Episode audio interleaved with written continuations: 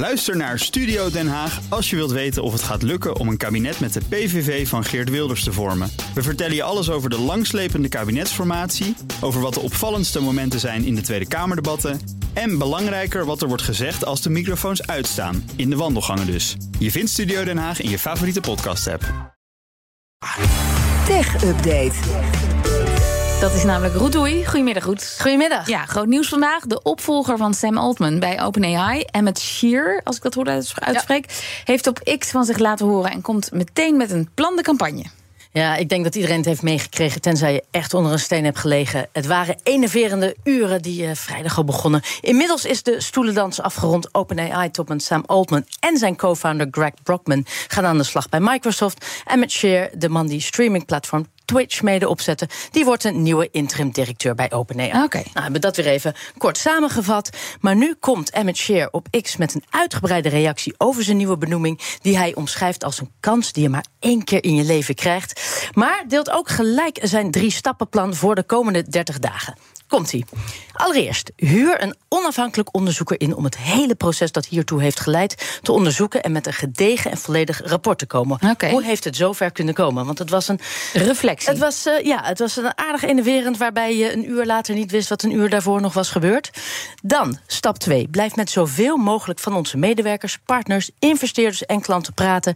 Maak goede aantekeningen en deel de belangrijkste inzichten met elkaar. Dat lijkt bijna weer een sneer naar Oldman.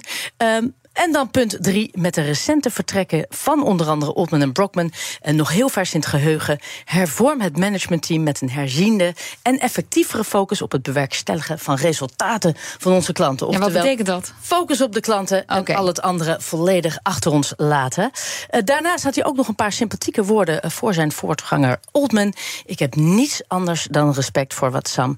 en het hele team van OpenAI heeft opgebouwd. Een beetje zo'n voetbalreactie, hè, als je je trainer ontslaat. Ja, dit zijn ja. echt van die hele standaard ja, die heeft teksten. zoveel goede dingen voor de club uh, betekend. Mm -hmm. Maar nu ja. zijn we er vanaf. Ja, blijf. Uh, en heel veel succes uh, die het nog doen. Nou ja, de resultaten van dit drie-stappenplan gaat hij... naar aanleiding daarvan gaat hij veranderingen doorvoeren in de organisatie. Zegt ook dat hij, als het binnen 30 dagen eruit blijkt... dat hij veranderingen in het bestuur moet aanbrengen... dan gaat hij dat doen als dat volgens hem nodig is. Nou ja, en dat komt misschien dan eerder dan hij denkt... want ondertussen dreigen honderden OpenAI-werknemers al op te stappen. Ja, Zo'n 500 medewerkers hebben in een brief een ultimatum gesteld. Uh, of het hele, het uh, hele bestuur vertrekt.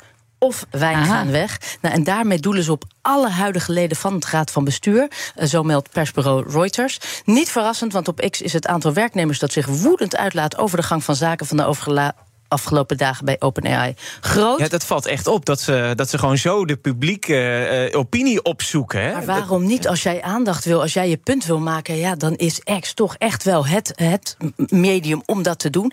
En het werkt. Uh, Sam Altman gaat samen met de opgestapte OpenAI-president... ik zei het al, Brockman mm -hmm. bij Microsoft leiding geven... aan een heel nieuw team dat weer gaat, zich gaat focussen op kunstmatige intelligentie.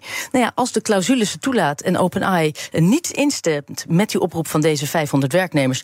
Vraag ik me af of ze niet in één keer hop door kunnen ja. bij de buurman Microsoft. Ja. Uh, wat de gevolgen en de impact is voor zowel de werknemers van OpenAI als voor de aandelen van Microsoft. Je zei het net al, die staan in de plus op 1%.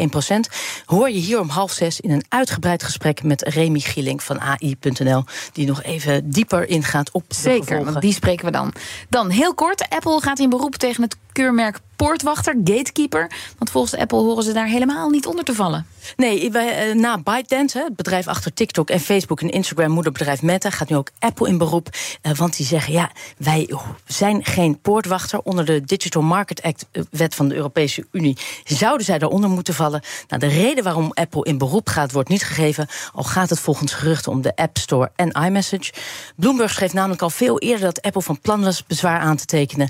Het bedrijf is van mening dat de App Store daar niet onder valt. Aha. En ook iMessage zou ja. niet onder moeten vallen. Um, ze hebben al aangegeven, hè, wij gaan meedoen aan RCS. Wij gaan dat invoeren zodat we beter met Androids kunnen communiceren. En zeggen zij, ja, uh, Apple uh, iMessage heeft helemaal niet genoeg Europese gebruikers om überhaupt als poortwachter gezien te worden.